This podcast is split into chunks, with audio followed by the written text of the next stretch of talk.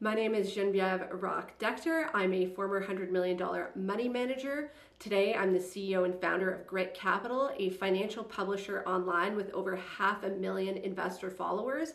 Every morning, we write a newsletter to hedge funds, retail advisors, wealth managers, portfolio managers, high net worth individuals, family offices, and retail investors, and we give them an edge in 90 seconds or less. We've got celebrity followers like Mark Cuban. Morning Brew, the Wall Street Bets community, Charles Payne from Fox, and TheStreet.com, Jim Cramer's financial publisher. All of these people follow us because our insights are simple, fun, and actionable.